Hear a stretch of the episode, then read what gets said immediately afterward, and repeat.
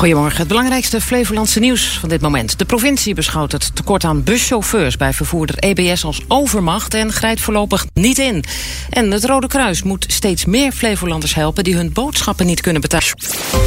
Het moet maar even zo met die bussen van EBS, zegt de provincie. Goedemorgen. Flevoland is wakker. Het is overmacht. We accepteren de problemen bij het Flevolandse busvervoer en voorlopig delen we geen boetes uit. Dat zegt gedeputeerde Jan de Reus van de provincie Flevoland over eh, de haperende dienstregeling van EBS. Nou, EBS rijdt in opdracht van die provincie.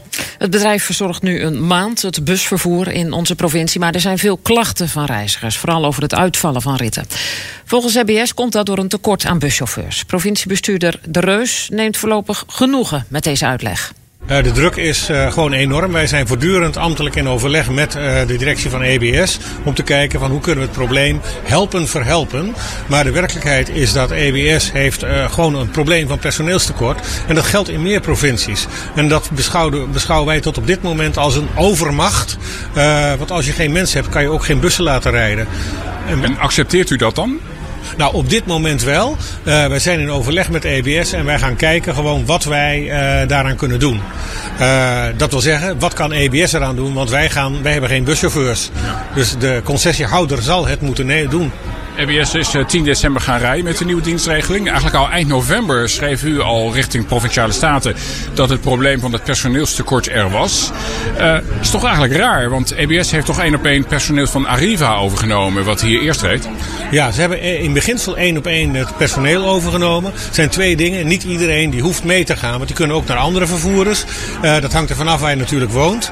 En de tweede is dat ze hebben meer bussen laten ze rijden, want de concessie heeft een aanzienlijke uitbreiding ten opzichte van de vorige. Dus ze hebben ook zo'n 10% meer bussen uh, gekocht om te zorgen dat ze hun aanbod ook kunnen waarmaken. En daar zit gewoon het probleem op dit moment. Hoeveel tijd heeft u of geeft u eigenlijk EBS? Nou, daar doe ik op dit moment geen uitspraak over. We zijn in goed overleg. Uh, en uh, dat gaan we zien. En ik ben in nauw contact met mijn collega uit Overijssel en uit Gelderland. Die hebben ook geen boetes opgelegd tot op heden. Want we trekken één lijn daarin. En overmacht. De vraag is of het realistisch is dat je dat gaat beboeten. We moeten nog 12 jaar verder, 13 jaar verder met deze uh, concessienemer moet ik zeggen. En uh, dat willen we zo goed mogelijk doen. Maar ja, het is wel een, een slechte start eigenlijk voor een nieuw bedrijf. Ja, dat vinden, wij heel vervelend. Uh, want het was een mooie concessie. Zo'n 10% meer ritten dan uh, de oude concessienemers. Dus Connection en Arriva gezamenlijk. en dat valt nu in één keer weer terug. Ongeveer naar het oude niveau. En we hebben natuurlijk iedereen ontzettend blij gemaakt met extra buslijnen. Bijvoorbeeld Urk heeft er drie bij gekregen. Zeewolde Almere is een stuk verbeterd. En dan zie je nu dat er toch weer moet worden afgeschaald naar een beetje het oude niveau. En dat is ontzettend jammer. Als uh, EBS voor een bepaalde tijd niet kan leveren, het probleem van het personeelstekort niet kan oplossen, gaat u dan misschien het contract herzien en, en de prijs bijstellen? U kunt de boete opleggen, maar u kunt zeggen, ja, je levert niet, dan gaan we gewoon minder betalen voor het contract. Nou, dat laatste dat gebeurt sowieso. Niet gereden ritten worden ook niet vergoed. Wat zegt dit nou eigenlijk over het hele spel wat zeg, elke tien jaar zo'n beetje rondom concessie speelt? Je ziet altijd nieuw contract en de eerste maand is het chaos. Dat hebben we in 2010, 11 ook gezien toen Arriva hier kwam. Moet dat hele systeem eigenlijk niet een keer tegen het licht gehouden worden? Of dit wel de beste manier is? Of zit je gewoon met regelgeving uit Europa? Nou, je hebt één regelgeving uit Europa. Wij houden ons eraan. En we hebben natuurlijk de, de autoriteit uh, Consumenten en Markt. Die uh, ook kijkt of wij de aanbestedingsprocedures goed doen. En uh, om de zoveel jaar opnieuw aanbesteden betekent ook dat je de nieuwste inzichten meekrijgt. dat je ook prijsvoordelen kan halen uit een betere aanbesteding. En dat hebben we nu gezien bij EBS. Want we hebben veel beter bod gehad dan we hadden. En dat was waarschijnlijk met een oude concessiehouder uh, was dat niet gelukt. Riskeren de nieuwe bussen dat die weer gaan verdwijnen? De nieuwe buslijnen moet ik eigenlijk zeggen?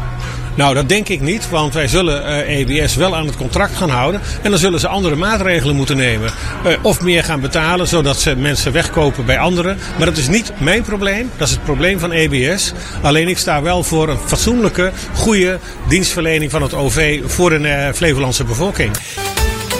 Inwoners van Almere Poort blijven zich verzetten tegen de mogelijke komst van verslaafde opvang Domus. Dat bleek gisteravond in de topsporthal. Daar gaf de gemeente Almere een toelichting op de bouwplannen. Allemaal leuk en aardig, zegt de buurtbewoner Charles Gelverdink. Maar volgens hem kunnen omwonenden het plan zeker nog tegenhouden. Ik vind het een beetje uh, voor de troepen uitmarcheren en uh, vooruitlopen op een, op een situatie die nog absoluut niet definitief is. En dat wordt genegeerd. Uh, er wordt gedaan alsof volgende week die heipalen in de grond gerost worden. Maar er zijn nog zeker twee of drie essentiële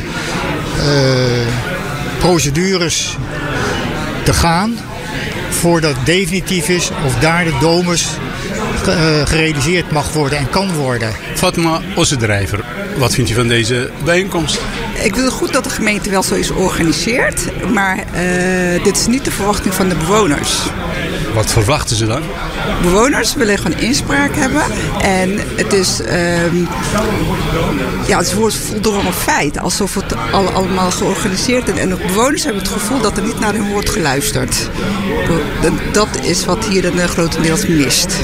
Dus de gemeente kwam een toelichting geven over het pand en hoe de omgeving eh, ingericht zou worden. Maar de bewoners zelf willen zelfs dat pand helemaal niet. Zover zijn we nog niet. Dus dat uh, is al een stap verder. En nu wordt er voor de, als er voldongen feit van, joh, het komt. Dus bewoners dealen er maar mee. En dat maakt uh, bij veel bewoners toch uh, kwaad. Fatma Ossendrijver was dat. Sommige aanwezigen waren benieuwd wie er straks in Domers komen te wonen. Jan Jans van het Leger des Heils, die kan dat vertellen. Er komen mensen te wonen die uh, verslaafd zijn, uh, psychische problematiek hebben, soms lichtverstand beperkt en die een beschermd woonomgeving uh, nodig hebben, maar waarvan wij verwachten dat ze geen overlast gaan geven voor de omgeving. Het pand is ingedeeld in verschillende ruimtes, begaan grond aan drie verdiepingen. En, en, en wie waar gaat wonen? Ja, we hebben uh, kleine appartementen, twee lagen. En daar, daar kom je te wonen en daar blijf je wonen. Maar er is ook een groep bij die zegt, hey, die groeit door, die herstel. Want we zijn altijd gericht op herstel.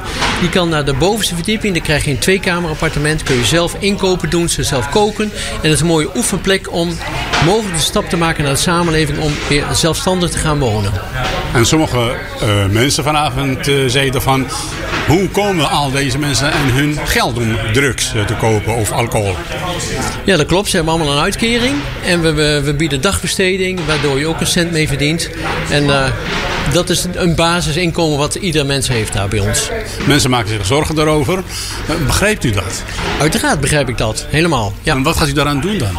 Wij gaan in ieder geval maximaal uh, de, de mensen begeleiden. We zijn er ook verantwoordelijk voor als ze bij ons zijn. En uh, we hopen ze allemaal te prikkelen om tot het, een leven zonder gebruik. Maar dat is niet altijd te bereiken. Of hebben ze geen hoop meer voor. Maar dus, en als het wel gebeurt, ze overlast geven, hebben een beheergroep waar we dat zo goed mogelijk met elkaar proberen te beheren en ook afspraken te maken. En als het echt niet kan, dan zal het betekenen dat zo'n bewoner elders gaat wonen. Jan Jans van het Leger des Heils was dat. De gemeente Almere is nu van plan het voorlopig ontwerp van Domus verder uit te werken. Nou, wat heb je gisteravond zo gemist op radio en tv? Nou ja, Nieuwsuur eh, was op de televisie en dan ging het over de boerenprotesten in Duitsland. De boeren protesteerden deze week tegen bezuinigingsplannen van de regering. Die willen een aantal belastingvoordelen voor de boeren afschaffen. Hanko Jurgens van het Duitsland Instituut vertelde hoe deze situatie kon ontstaan. Het kabinet had geld uit het coronafonds overgeheveld naar het klimaatfonds. Eh, en dat was om te voorkomen dat er een begrotingstekort zou zijn. En daar heeft het constitutionele hof een stokje voor gestoken. Die hebben gezegd, ja, je kan niet uh, het geld uit het ene fonds zomaar even naar een ander fonds overhevelen. Dat betekende dat het kabinet opeens heel erg moest bezuinigen. Dus uh, ze hebben overal vervelende maatregelen moeten nemen. En toevallig waren twee van die maatregelen die troffen de boeren. Volgens Jurgen speelt de kloof tussen stad en platteland in Duitsland heel sterk. De kloof tussen stad en platteland speelt hier heel sterk. En wat ook heel erg speelt is dat er grote bedrijven de landbouw opkopen, zeg maar, die investeringsbedrijven. En dat de familiebedrijven, de kleinere boeren, hier de klos van zijn. En nu ook zelfs de bioboeren, zo wordt dat ook genoemd. Die uh, hebben dus extra last van uh, de maatregelen van het kabinet. Ja, en, hebben de en die demonstreren nu ook mee. Oké, dan weten we dat ook nog even. In vijf dagen ging het over de aanleg van de Tweede Maasvlakte. Na 15 jaar is de beloofde natuurcompensatie nog altijd niet gerealiseerd. Onder andere natuurmonumenten stapten naar de rechter... en dwong het kabinet hier alsnog werk van te maken. Anne-Klaar Wijnands van Natuurmonumenten vertelde hoe de Maasvlakte eraan toe is. Je voorstellen dat zo'n Maasvlakte wordt daar rukzichtloos opge opgestort. Dat is gewoon een enorme hoeveelheid zand die daar gewoon eigenlijk op een natuurgebied gestort is. Dus dat is in één klap echt weg. En nou zie je dat niet direct, omdat, je, omdat het zich onder water afspeelt. En dat is ook wel een beetje het gevaarlijke van dit dossier. Veel mensen denken, ja, waar hebben we het over? We zien niks. Maar het is wel degelijk natuur en ook beschermde natuur. Waar we toch uiteindelijk ook uh, voor moeten zorgen. En waar de overheid een verplichting heeft. Vissers zijn bang failliet te gaan, omdat ze daar straks niet meer mogen werken. Wijnand gelooft dat er een oplossing voor de natuur en de vissers kan komen. 20% van de hele voordelta wordt gesloten gebied. Dat betekent dat er in 80% van de hele voordelta nog steeds gevist kan worden. En dan hoeft er geen enkele visser failliet te gaan. En dat was gisteravond op radio en tv. Het Rode Kruis heeft vorig jaar in Flevoland meer boodschappenkaarten uitgedeeld dan in het jaar daarvoor. Het ging om 9000 kaarten, het waren er 7000 in 2022. En met zo'n kaart kun je naar de supermarkt voor wat extra inkopen. Het Rode Kruis spreekt van een trieste ontwikkeling, maar er is dringend behoefte aan, ook in Lelystad. Deze familie krijgt van ons ook uh, boodschappenkaarten dan kunnen zij daar iets mee doen. Etienne Elmzoon deelt op zijn ronde door de wijk Wold in Lelystad boodschappenkaarten uit aan mensen die het niet al te breed hebben. Er is zoveel armoede. Dat als de mensen horen dat, er iets, uh, dat ze ergens geholpen kunnen worden, dan melden zij zich. En dat durven ze ook gewoon te doen? Of, uh, heel veel wel, ja. Heel veel wel. En als de nood aan de man is, dan doen ze het wel, ja. Elmzoon is een van de voedselpartners, de ogen en oren van Carlijn van Donkelaar van het Rode Kruis, van wie hij de boodschappenkaarten krijgt. Het is echt een boodschappenkaartje van Albert Heijn of Jumbo.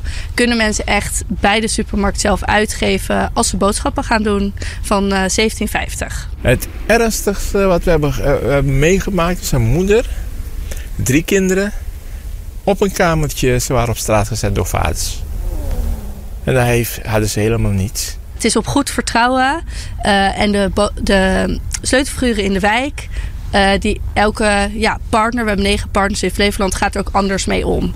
Dus so sommigen waarvan weten dat misschien problematiek is, kopen boodschappen en komen die langsbrengen.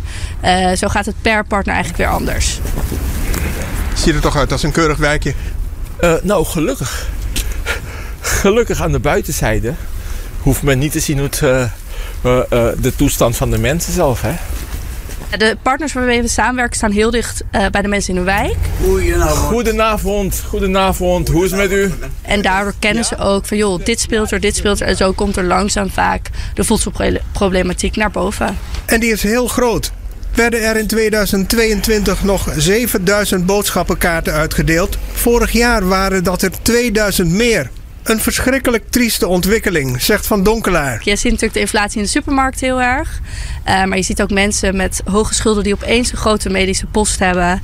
Uh, en die daardoor echt in de problemen komen. En ja, uh, de doelgroep die we bedienen is, kan heel tijdelijk zijn voor een maand. Maar het kan ook voor ja, echt structureel, nu alles zoveel duurder is geworden, problemen veroorzaken. We hebben maar een klein pensioentje. En dat is het duurder geworden. Het helpt. Het Rode Kruis is somber over de toekomst, maar kijkt vooral naar hier en nu. Op dit moment kijken we naar de nood. En het Rode Kruis is er echt voor de nood die er nu is. En we hopen natuurlijk dat die op een gegeven moment niet meer nodig is. Maar op dit moment zien we echt nog dat we hard nodig zijn. Het is helemaal niet zoveel, 17,50 euro. Ja, maar het toch waard is toch waard. We zijn tevreden. Ja, met iets kleins is het toch. Ja, toch.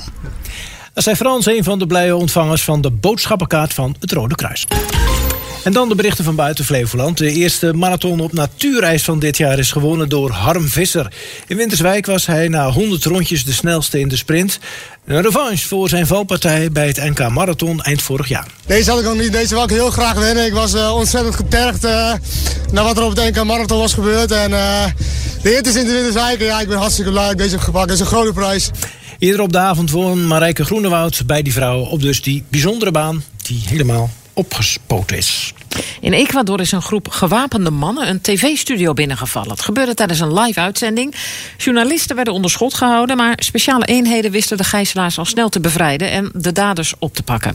Waarschijnlijk gaat het om drugscriminelen die hun macht willen zien, zegt correspondent Nina Junna. Zo'n tv-bestorming, live op tv, gemaskerde mannen met wapens die een tv-uitzending overnemen. Ja, dat schept enorm veel angst ook in de samenleving. Ze willen ook echt laten zien, kijk waar wij toe in staat zijn. En Ecuador wordt ook al lange tijd geteisterd door, uh, ja, door drugscriminaliteit. Het ligt tussen Peru en Colombia, twee uh, cocaïne-producerende landen. En kartels hebben veel macht gekregen daar. De situatie in Ecuador is de laatste dagen zeer onrustig. Afgelopen zondag ontsnapte een beruchte bendeleider uit de gevangenis. De president riep toen meteen de noodtoestand uit. Niet iedereen werkt in een warm gebouw. Voor stratenmakers, glazenwassers, dakdekkers en marktkooplui is het pittig met deze kou. Stratenmakers kunnen niet aan het werk omdat het zand door de kou aan de tegels blijft plakken. Ook glazenwassen is eh, gevaarlijk omdat het water dat op de stoep valt meteen bevriest. En de marktkooplui in Goes, die zijn aan het werk. Maar het is wel taai. Ik heb uh, twee broeken aan, drie truien aan, twee paar sokken aan. Uh, muts op, sjaal om. Deze dag die voelt echt als drie dagen. Heftig. De gevoelstemperatuur is min 10. Ja, merk jij het? Ja? Ja, echt waar? Nou, had je je goed moeten aankleden op dit. Niet waar? Dat is het hem. Een goede voorbereiding. Ah, geweldig. Ja. Dus tegen die journalist. Die journalist, ja, ik merk dat. Nou ja, dan moet je beter voorbereiden. Die komt mooi. waarschijnlijk uit een warm gebouw, ja. stapt in een voorverwarmde auto en gaat dan naar buiten en ziet dan, voelt dan in Goes uh, hoe koud het is. Ja, zoiets, ja. ja. Maar ik, uh, de glazen was, ja, die komt bij mij nu echt niet hoor. Nee, nee. vriest. Nee, maar ik heb wel een probleempje. Bij mij komt die ook niet, ik doe het zelf. Uh, ja, dat kan natuurlijk ook. Maar ja. wat ik heb ontdekt, als het bij mij in de kelder een klein beetje druppelt, dat betekent dat mijn kruipruimte te veel water in staat. Ja, ja, dus ik moet hem weer leegpompen. Maar dat kan nu niet. Want ja, dan gaat het water de straat op. Dat wordt één ijsbaan. Ja, en kun je dus niet ik, uh, een, moet andere, even... een andere kant op transporteren? Ja, ik moet even een trucje gaan bedenken. Want uh, ja, ik moet wel dat water uh, weg moet hebben. anderen niet tot last zijn, hè? Nee, nee, dat is waar. Dat is waar. daar waren ze. Ja. Berichten van buiten deze provincie. Welk nummer hoor jij nooit voorbij komen op jouw favoriete radiozender? Dan hoort Omroep Flevoland dat graag. Geef nu jouw favoriete liedje door en maak kans op een onvergetelijke nacht voor twee personen in een hotel aan zee, inclusief diner en ontbijt. Geef jouw muziek nu door via verzoek@omroepflevoland.nl en misschien is die hotelovernachting van jou.